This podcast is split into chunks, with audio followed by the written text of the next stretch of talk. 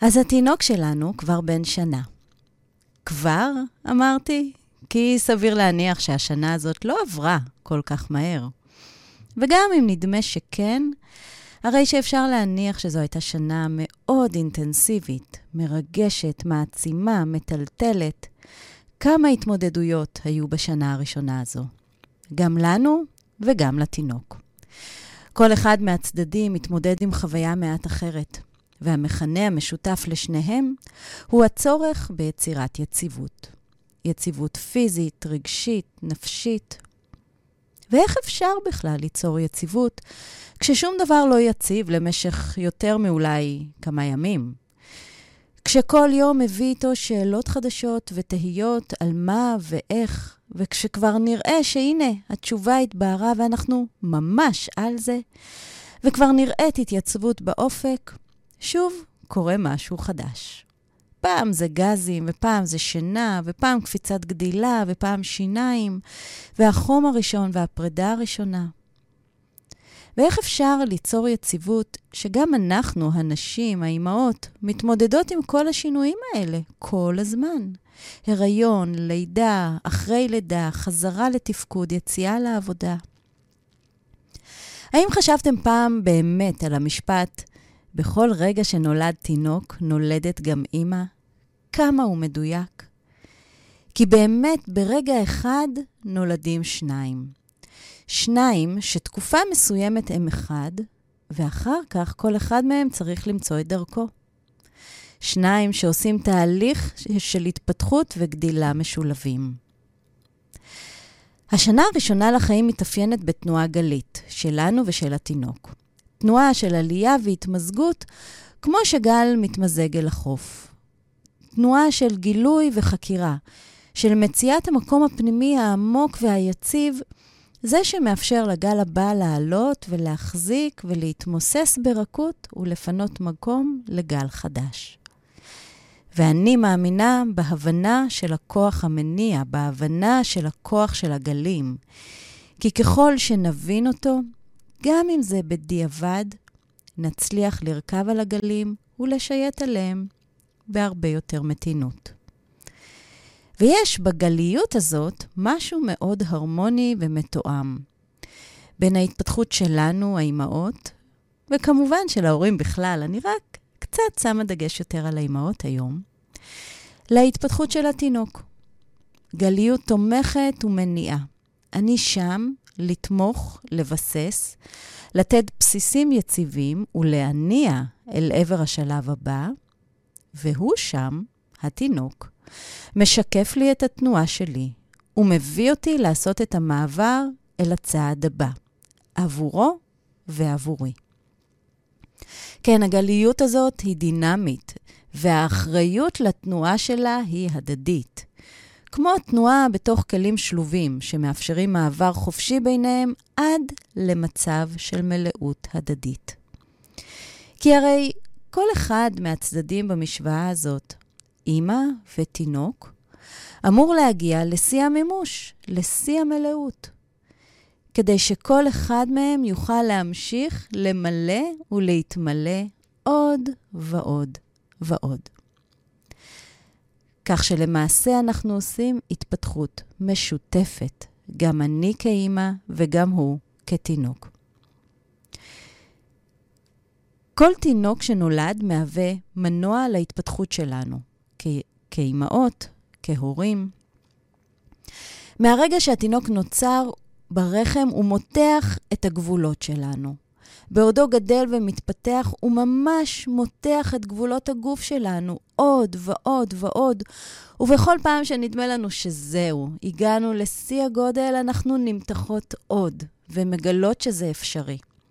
וככל שאנחנו נמתחות ומתמסרות לחוויה, כך אנחנו בונות לתינוק שלנו את המרחב המתאים בדיוק לצרכים שלו. אנחנו יצרנו בעבורו את המרחב, והוא היה זה שאפשר לנו ליצור את המרחב המדויק למידותיו ולצרכיו. אז מה אני אומרת בעצם? שיש מקום להסתכל על החוויה ההורית הזאת, על לידת התינוק כמקום דיאדי, הוליסטי, כזה שמתייחס גם להתפתחות של התינוק וגם להתפתחות שלנו ההורים. ונכון, יש מחשבה שהתפקיד שלנו ההורים בתוך השנה הראשונה הוא רק למלא צרכים, ורק לספק לתינוק את כל מה שהוא זקוק לו כדי להתפתח. וזה נכון, זה נכון לגמרי. אלא שגם לתינוק יש תפקיד. לגדול, למתוח אותנו מעבר למידותינו ולגדל אותנו כאימהות וכהורים. היום בתוכנית נצא למסע התפתחותי דיאדי, המסע של שנת ההתפתחות הראשונה, ונגלה איך המסע שלו, של התינוק, קשור במסע שלנו, האימהות, ולהפך.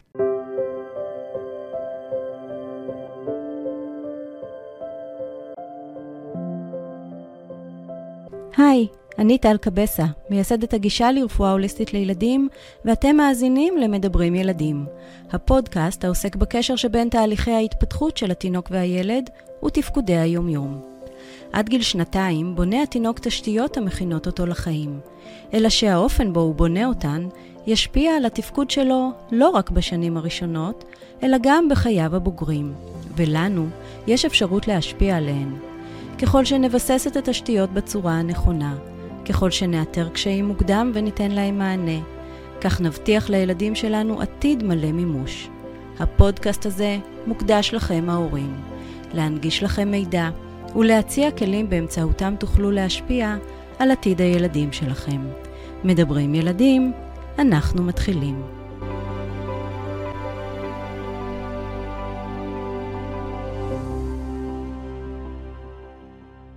תשעה חודשים חלפו, והנה התינוק נולד. מהרגע שהוא נולד מתחילה סוג של נפרדות בינינו. הרי עד רגע לפני הלידה היינו ישות אחת, אני הוא. ועכשיו אנחנו שניים, אני והוא. ומעצם זה, כל אחד מאיתנו מתחיל את מסלול ההתפתחות שלו. מסלול שמתחיל מתלות מוחלטת והדדיות, ומוביל בסופו של דבר לעצמאות מלאה, גם שלנו ההורים, שלנו האימהות, וגם של התינוק. ממצב של הזדהות אל מצב של ספרציה, היפרדות, וממצב של היפרדות למצב של בניית העצמי הייחודי, של בניית האינדיבידואל. אבל רגע, עוד לא צריך למהר אל עבר העצמאות. בואו נהנה עוד קצת מהתלות, התלות המלאה של תחילת החיים. החודש וחצי הראשונים לחיים הוא זמן שבו אנחנו מנסים, אני והתינוק, להסתגל למצב החדש הזה שלנו ביחד. בזמן הזה אנחנו אמורים להיות בתוך בועה, בהתכנסות. התינוק אמור להיות במנח של כפיפה עוברית, שמור, מוגן, לא מוסח מפני גירויים שמושכים את תשומת הלב שלו החוצה. הכפופה, הכפיפה העוברית היא התנוחה שבה הוא שהה ברחם, וכדי לשמור עליה, גם בעולם החיצון, מערכת העצבים מעלה לו את כל המתח השרירי, מכווצת את כל טווחי התנועה ושומרת אותו במנח הזה. תוכלו לראות אותו נכנס אליה ממש באופן עצמאי לאחר הלידה, ובכל פעם שתשכיבו אותו על הבטן. ולמה כל כך חשוב לו להיכנס לתנוחה הזאת? כי שם הוא עושה את תהליך הקליטה ההדרגתי שלו לעולם. הוא נהנה מניתוק מסוים שמזכיר לו את הרחם, וגם חשוף לגירויים שמתרחשים סביבו, לעולם. והתנוחה מאפשרת לו לעשות את המעבר בין העולמות בצורה הדרגתית. בהתחלה הוא בהתכנסות וניתוק מלאים, ולאט-לאט, ככל שעוברים השבועות וגופו משלים תהליכי הבשלה שונים, הוא מוכן. הוא מוכן להיפתח יותר ויותר לגירועי העולם. בשלב הזה התינוק לא אמור בכלל להבחין באופן רציני בגירויים, לא לייצר קשר, הוא עסוק רוב הזמן בשינה. מבחינתו מתרחש סביבו סוג של קסם. הדיל הוא שהצרכים שלו מתמלאים באופן אוטומטי. הוא לא אמור לבקש אותם, הוא לא אמור לדרוש אותם, הם פשוט קורים, כך הוא חווה את זה. ככל שהשבועות יעברו, הוא, י... הוא יתעורר לפרקים והוא יתחיל לשים לב לגירויים שסביבו. והחשיפה ההדרגתית הזאת חיונית ליכולת שלו לווסת את העוצמות והגירויים ואת את מידת החשיפה שלו. ומה קורה איתך, אימא, בזמן הזה? גם את חווה את אותו תהליך בדיוק.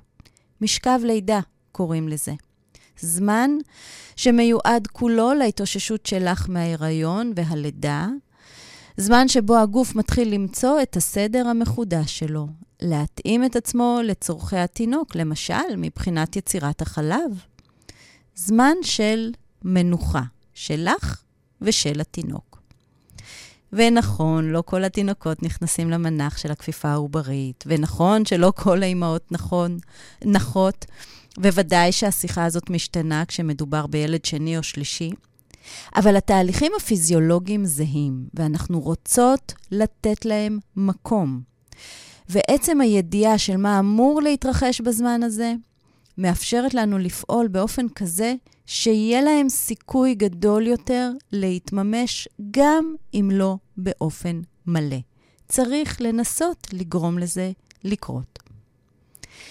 לקראת סוף השלב הראשון מתחיל שלב חדש, סוף השלב הראשון של ששת השבועות הראשונים. השלב החדש הזה נקרא השלב הסימביוטי. השלב שבו יש תלות הדדית בין התינוק לבין האם. תלות ששניהם זקוקים לה כדי להתפתח ולגדול. גם בשלב הקודם הייתה תלות, אבל היא לא נתפסה ככזאת. בשלב הזה, מבחינת התינוק והאם, והאם הם יחידה אחת. יש, יש חיבור והתמזגות מלאים. יש תלות מלאה של האחד בשני. התינוק תלוי באופן מלא באימא למילוי הצרכים ההישרדותיים שלו, והאימא תלויה באופן מלא בתינוק כדי לייצר את הצרכים ההישרדותיים שלו. אלא שבכל זאת מתחיל להיווצר איזשהו שינוי.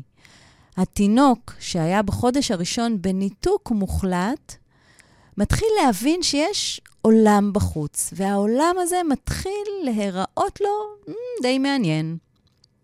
ההבנה הראשונה שהוא חווה היא שהצרכים שלו כבר לא מתמלאים באופן אוטומטי מבפנים, מתוך עצמו, אלא הם תלויים בגורם חיצוני. ולראשונה יש לו הבנה שיש משהו שמתקיים מחוצה לעצמו. עדיין, למרות שיש הבנה שיש ישות חיצונית, היא נתפסת בעיניו כחלק נוסף בישות שלו, קצת למשל כמו ברחם. זה איבר חיצוני שמופרד ממני, אבל אין לנו באמת קיום האחד ללא השני. והרחם הזה הוא כל העולם מבחינתו. הרחם הזה זאת אימא שלו. היא מבחינתו הסיבה לקיום שלו, וכל ה, היכולת שלו להתקיים תלוי בה. אז למה הכי חשוב לשים לב בשלב הזה? לכך שתהיה סימביוזה מצמיחה, סימביוזה שבה שני הצדדים יתפתחו. כי בזמן הזה מתפתח הקשר ההדדי, לא רק אני עבורו. התינוק מפתח את הדרכים בהן הוא מביע את הצרכים שלו, ואילו אני, האימא, מפתחת את ההבנה והרגישות להבין מהו הצורך שהתינוק שלי מביע, ואני ממלאה אותו באופן מיטבי. ויש לשלב הזה, לזמן הזה, מטרות שונות, והעיקרית ביניהם היא לבנות תחושה פנימית של שקט, של ביטחון עבור התינוק, שאני יכול להיות רגוע כי אני מקבל מענה לכל הצרכים הכי בסיסיים שלי. אני מקבל ודאות. יש תחושה וחוויה של קשר מזין. כי אז, כשאני לא רעב ולא עייף, ונוח לי, ונעים לי, אני יכול להפנות את האנרגיה שלי להתחיל להבין את העולם הזה שבו אני חי. זאת המטרה. הרי התינוק החל לשים לב לעולם הזה, והוא מושך ומסקרן אותו. אבל כדי להיות מסוגל לחקור אותו, הוא חייב להיות בשקט פנימי, במצב של רוגע ונינוחות. אז נכון, השלב הזה של החודשים הראשונים הוא שלב שמאופיין בתלות הדדית בין התינוק והאם, אבל התלות הזאת היא אמצעי להניע את התינוק לחקור את העולם, להיות חלק ממנו, לא מנותק ממנו. ומה איתך, אמא, בזמן הזה? כן, את בשירות, זה נכון. והתחושות שאת, שאת חווה הן לגמרי לגיטימיות. העובדה שהתינוק לא יכול בלעדייך. העובדה שאת היא זו שיכולה לתת את המענה למה שהוא צריך, כל אלה נכונות בהחלט. ואת עושה את זה, את שם, בשירות הזה, במלואך ובמסירות מלאה, כדי שלקראת גיל שלושה, ארבעה חודשים, התינוק שלך יוכל להתחיל, רק להתחיל לרצות להיפרד ממך ולבנות את האינדיבידואל שלו. את נותנת לו את כל מה שהוא זקוק, כדי שהוא יוכל להרגיש מספיק בטוח להתרחק ממך, מתוך הבנה מלאה שאת העוגן שלו. לא מתוך כוונה להשאיר את הסימביוזה הזאת, את התלות הזאת, לאורך זמן. והנה התינוק שלנו גדל, והוא כבר בן חמישה, שישה חודשים. עדיין הוא הייתה, בזמן הזה עדיין הייתה אה, סימביוזה, אבל היא מתחילה להיפרם. גיל חמישה חודשים זה גיל מפתח. משהו חדש קורה. מתחיל שלב חדש ומרגש, מתחילה ההיפרדות. אז אולי יש משהו במשפט הזה שנשמע לכם קצת לא הגיוני, כי איך פרידה יכולה להיות מרגשת? אז הנה. זוכרים מה אמרנו לגבי המטרה של השלב הסימביוטי? מילוי הכלים הפנימיים כדי שהתינוק ירגיש מספיק בטוח להתרחק? הוא מתרחק כדי לבנות את האני העצמי שהוא. אז אם הגעתם לשלב הזה והוא מתחיל להתרחק מכן, דעו אמהות שהכל תקין. ואיך מתפתחת, מתבטאת ההתרחקות הזאת? בהרבה רמות ותפקודים. למשל, בהבנה שיש אימא ויש אני. ולאימא יש פנים וגוף וחפצים ודברים שהם רק שלה והם לא שלי. ויש לה גם רצונות ומקומות אחרים שהיא רוצה או צריכה להיות בהם. ויש את אימא, ויש אנשים אחרים שאולי נראים כמו אימא, אבל הם ממש לא היא. ויש גם סממן סימבולי להתרחקות הזאת, תחילת רכישת השליטה בזחילה. היכולת הפיזית, זו שהתינוק עבד עליה כל החודשים האחרונים, והכין את עצמו לקראתה דרך בניית התפקודים בשכיבה על הבטן, היא זו שמאפשרת לו לממש הלכה למעשה את הפרידה הזאת, להתקדם, להתרחק באופן עצמאי, לזחול למקום אחר, רחוק מאימא. אמנם בראשית השלב הוא יתרחק למרחק שהוא עדיין יוכל לראות את אימא בזווית העין, אבל בהמשך הוא יתרחק גם למרחק שהוא לא רואה אותי.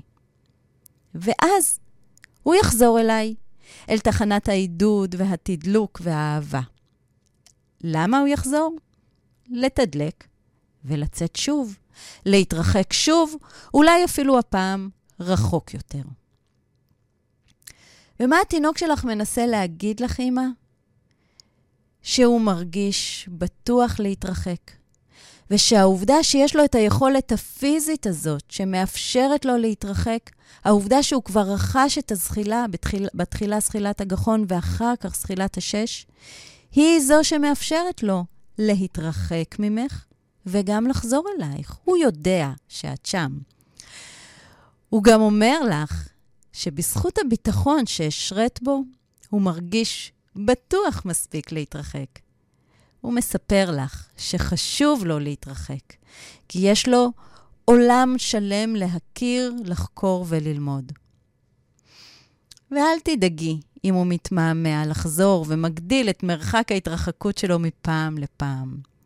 ככל שהוא מתרחק יותר, זה אומר שהוא מרגיש בטוח יותר ויותר.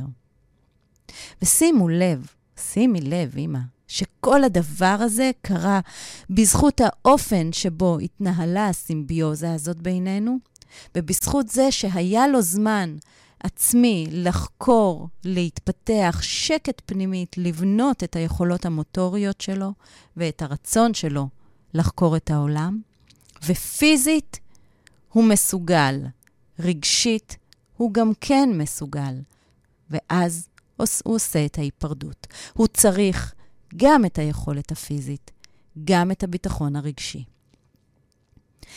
ואגב, עד כה דיברנו בעיקר על החשיבות של הדמות של האם בחייו של התינוק, אבל עכשיו, בזמן הזה, יש חשיבות מאוד מאוד גדולה לנוכחות של בן או בת הזוג התומכים. יש חשיבות הרבה יותר גדולה. כי מתברר שלדמות התומכת, בן או בת זוג, זו שעד עכשיו הייתה קצת מחוץ לבועה הסימביוטית, יש תפקיד מאוד מאוד חשוב בקידום הנפרדות, ביצירה של הבסיס לאתגר לחשיפה מוטורית. אלה הופכים להיות מאוד מאוד דרמטיים ו- ובעלי השפעה מאוד מאוד גדולה, או יכולת השפעה מאוד מאוד גדולה של בן הזוג התומך. החודשים הבאים ייקחו אותנו עוד שלב אחד קדימה, במסע המרתק הזה שלי ושלו בגיל שנה. בחודשים הבאים התינוק ימשיך להתפתח וההתפתחות תאיץ את הרצון שלו לעצמאות.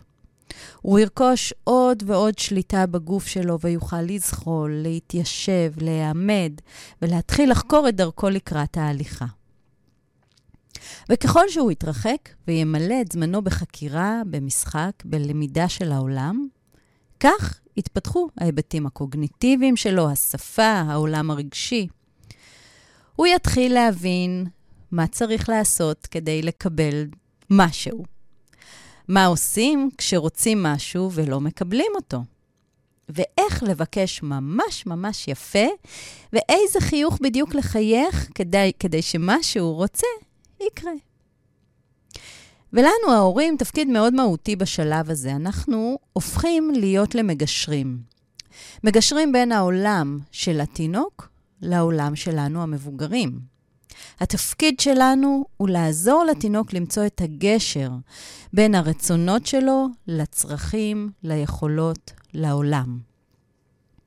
מצד אחד, לדחוף קדימה, לדרוש, להציע, להעשיר, לפתח, ומן הצד השני, אולי הדבר החשוב ביותר, לווסת. בשלב הזה הוא כבר נעמד, ועוד רגע מממש את היכולת שלו ללכת. זה יקרה סביב גיל שנה. ואז מתרחש השלב הזה, אולי הכי חשוב, שאליו התכוננו כל השנה האחרונה.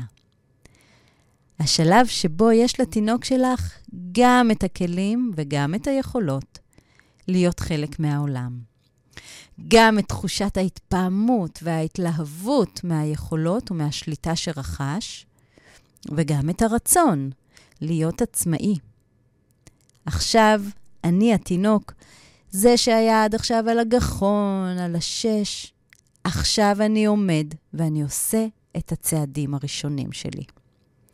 עכשיו, לקראת גיל שנה, שנתה, שנה וחודשיים, אני מספיק בטוח ואני עובר לגמרי בעצמי בשער, בשער הכניסה לעולם המבוגרים. ואיזה עולם מרגש זה. השלב הזה מכונה תחילתה של הלידה הפסיכולוגית, במובן הזה של תחילת הלידה של העצמי. שלב הפעוטות מתחיל. התינוק שלנו כבר לא תינוק, הוא פעוט. ויש למילה הזאת, להגדרה הזאת, הרבה מאוד משמעות. עם רכישת ההליכה, עם המעבר הזה לעולם של המבוגרים, התינוק חווה תחושה גדולה מאוד של מסוגלות ויכולת. הוא מאתגר את יכולות העצמאות שלו ורוצה לעצמו עוד ועוד ועוד.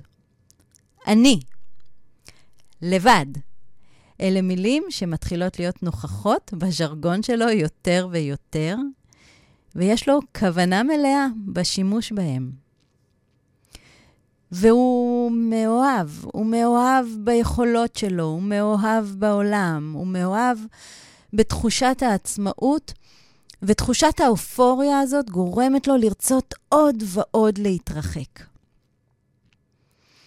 התרחקות מבחינתו היא התקרבות לעצמו. בשלב הזה, הניסיון לעצור אותו, לצמצם אותו, להקטין אותו, לשמור אותו תינוק עוד קצת, להחזיר אותה, אותו לאותה חוויה סימביוטית ראשונה שממנה הוא יצא, בשלב הזה הדברים האלה נתפסים בעיניו כאיום. הם מאיימים על ההתפתחות של העצמי שלו, והוא דוחה אותם מכל וכול. הוא אמור לדחות אותם מכל וכול. אלא שכמו בכל תהליך ההתפתחות, גם פה מתחיל להיות סוג של תסכול. כי למרות שמצד אחד התינוק רכש שליטה גדולה בהמון המון תפקודים ויכולות, הוא נתקל שוב ושוב במצבים, במצבים שבהם הוא רוצה, אבל היכולות שלו עדיין לא מספיקות. והרי אנחנו כולנו, וגם גם האימהות, גם האבות, מכירים את הרגעים האלה שבהם אנחנו מרגישים שהם ממש לא מודעים למגבלות של הגוף שלהם או של הגודל שלהם. שאין להם שום רתיעה מכלום, ושהעולם מבחינתם הוא לונה פארק של אפשרויות. אז מה התפקיד שלנו כהורים בשלב הזה? ליצור את ההזדמנויות, לאפשר את המרחב להתנסויות, לאתגר, להציע עזרה כדי לכבוש עוד ועוד יעדים, להתנסות כמה שיותר. לאפשר זמן לחקירה ומשחק עצמיים. למידה עצמית, לא מתווכת, למידה שיש בה גילוי פנימי של עצמי. במילים פשוטות, למידה בשקט, בשקט, לא בדיבור, לא בהכוונה, פשוט עם עצמו. גם ליצור מרחב רגשי בטוח, כזה שהנוכחות שלנו מורגשת בו, אך לא מתערבת. המרחב הזה מתווך, מאפשר, מווסת, ויש בו המון המון המון קרבה בינינו, אבל יש בו גם המון נפרדות. יש את המקום שלי, יש את המקום של הילד, ויש מקום מסוים של שנינו ביחד. זה אומר שאנחנו יכולים להיות ביחד באותו המרחב, וכל אחד מאיתנו יהיה עסוק בדברים אחרים. לא תמיד צריך להיות ב- ב- בסימביוזה, זה לא הזמן. לא תמיד צריך לתווך הכל, לא תמיד צריך לדבר ולהסביר. לא, צריך לתת מקום לשקט, למנוחה, כי משם צומחת חקירה פנימית וגדילה. וכמו ברצף ההתפתחותי, השלב הזה של ההתאהבות הזאת בעולם והרצון להתרחק עוד ועוד ועוד ועוד, יהיה בסיס או, או יוביל אותנו עוד רגע לשלב חדש. שלב שבו הפעוט שלנו ירגיש את הצורך להתקרב מחדש. וכאילו שהוא קצת נבהל מההתרחקות הזאת שלו. כאילו שהוא מבין שמה שהיה כבר לא יהיה שוב, של, לא יהיה שוב לעולם. סוג של כאבי התבגרות. אלא שבניגוד למה שהיה כשהוא היה בן מספר חודשים, אז הוא היה יכול להתקרב בגוף שלו ולהיות עם אימא ולבקש להיות על הידיים. היום זה לא כל כך מתאים. לא ליכולות שהוא רכש, לא לקוגניציה שלו, לא באמת באמת לרצון הפנימי שלו, לא במימדי הגוף שלו. לא, לא, זה, זה, זה, הוא רוצה, אבל רוצה אחרת. ולכן הוא מתחיל לבקש את הקרבה ביכולות שעומדות לרשותו. ומהם היכולות האלה? השפה, הבקשות, ההתנהגויות, לפעמים מאבקי הכוח. כל מה שמאפשר לו להיות עוד קצת קרוב, עוד קצת תינוק, עוד קצת בסימביוזה, לחזור לרגע אחד לזמן הזה שאני לא עצמאי. אבל זה לא באמת, זה לא באמת באמת הרצון שלו. הוא הרי לא באמת רוצה לוותר על כל היכולות והעצמאות שהוא רכש. וזה צריך להיות לנגד עינינו כל הזמן. כי גם אם נדמה לנו שזה מה שהוא רוצה וצריך, אנחנו צריכים לזכור שהתפקיד שלנו הוא למלא את הצורך הזה, אבל באופן כזה שישחרר אותו הלאה. אל מי שהוא, ולא באופן כזה שיעיר, שישאיר אותו תלוי ומוגבל. זה מין, שוב, קו עדין כזה, כמו כל הקווים העדינים בשלבים ההתפתחותיים של לתת לו ולדרוש תוך כדי, לקרב אותו כדי שימשיך להתרחק, להבין שהוא, ש, שהוא צריך למצוא את הדרך הבוגרת יותר, לא בוגרת מבחינת, אה, זה, זה לא שאני אה, אה, מקפידה להשתמש על, במילה בוגר, אבל יש משהו מתפתח יותר, בוגר במובן של מתפתח ובשל יותר, לדרוש את העצמאות ואת המקום שלו בכלים אחרים. הרצון האמיתי שלו וגם שלנו, הוא יהיה לעבור, לעבור לשלב הבא, לעבור את זמן הביניים הזה אל השלב הבא שיהיה קביעת העצמי שלו, שמתחיל להתרחש ככה בואכה גיל שנתיים, ומלווה את הילדים שלנו ואותנו לאורך כל החיים. כל התהליך הפנימי הזה שאנחנו עוברים בקביעת מי שאנחנו, בגיבוש הזהות של מי שאנחנו. תראו כמה הקדמות היו ברקע. כמה שלבים הכינו אותי, נתנו בי או נטעו בי את הכלים כדי שאני אהיה מסוגל להגיע לקראת גיל שנתיים, מוכן לקביעת הזהות שלי, וגם אז זה ממשיך להתפתח, אבל יש לי את הכלים הפנימיים לעשות, הזה, לעשות את זה. כי לאורך כל החיים, מהשלב הזה, התינוק שלנו, הפעוט שלנו, הילד שלנו, יגבש את האופי שלו, את הערכים שלו, את העקרונות שהוא, את מי שהוא. והשלב הזה ייקבע בהתאם למסע שעשינו ביחד עד לרגע הזה בדיוק. המסע הזה שהיה בו גם התקרבות וגם התרחקות, וגם ביחד וגם לבד, וגם הכלה וגם דרישה, וכל הזמן מין טנגו כזה אה, איטי בין קצת קדימה, קצת אחורה, קצת לבד, קצת ביחד. ואיזה מסע מרגש זה היה. שנינו נולדנו בדיוק באותו הרגע. בדיוק באותו הזמן, אחרי שחווינו תהליך של תשעה חודשים. ושנינו עשינו תהליך התפתחותי כיחידה אחת, זה לצד זה. ואחר כך, כשתי ישויות נפרדות, זה לצד זה.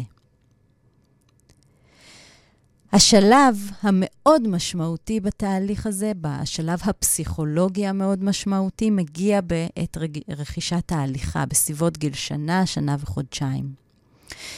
במילים אחרות, לתינוק שלנו לקח כשנה שלמה להיות מסוגל לעמוד על שתי רגליו, בכל מובן אפשרי. קוגניטיבי, רגשי, כמובן גם מוטורי. וכדי שהוא יעשה את זה, הוא זקוק לתמיכה מאוד מקדמת מאיתנו. לא בכדי, כל ההיבטים האלה קשורים זה בזה. וכדי שנוכל להציע לילד שלנו את כל מה שהוא זקוק כדי לצעוד בבטחה אל עבר מי שהוא, עלינו גם לספק לו ליווי ותמיכה, גם מענה לצרכים המוטוריים, וכמובן גם מענה רגשי מקדם ומיטיב, גם נוכחות מלאה. גם התקרבות וגם התרחקות, גם ביחד וגם לחוד. ובמשך השנה הזאת, לא רק הוא מחפש את דרכו לעמוד על שתי רגליו, גם אנחנו מחפשות בחזרה את הדרך לעמוד על שתי רגליים עצמאיות, הפעם כאימהות, הפעם כדמויות משמעותיות בחייו של מישהו אחר. זהו, חברים. עד כאן להיום, המסע המרגש מאוד שלנו. אני מקווה, מקווה שנהניתם. כמו תמיד, תוכלו להמשיך ולהתייעץ איתי, להמשיך לשלוח שאלות גם בקהילה שלנו, הורים לומדים, בפייסבוק, וגם, כמובן, באופן אישי ופרטי. אתם מוזמנים להמשיך לשלוח לי נושאים שמעניין אתכם שנעסוק בהם בתוכניות הבאות. אנחנו ניפגש כאן ביום שישי הבא עם עוד תוכנית מרתקת של מדברים ילדים. סוף שבוע רגוע ומנוחה טובה לגוף ולנפש. להתראות.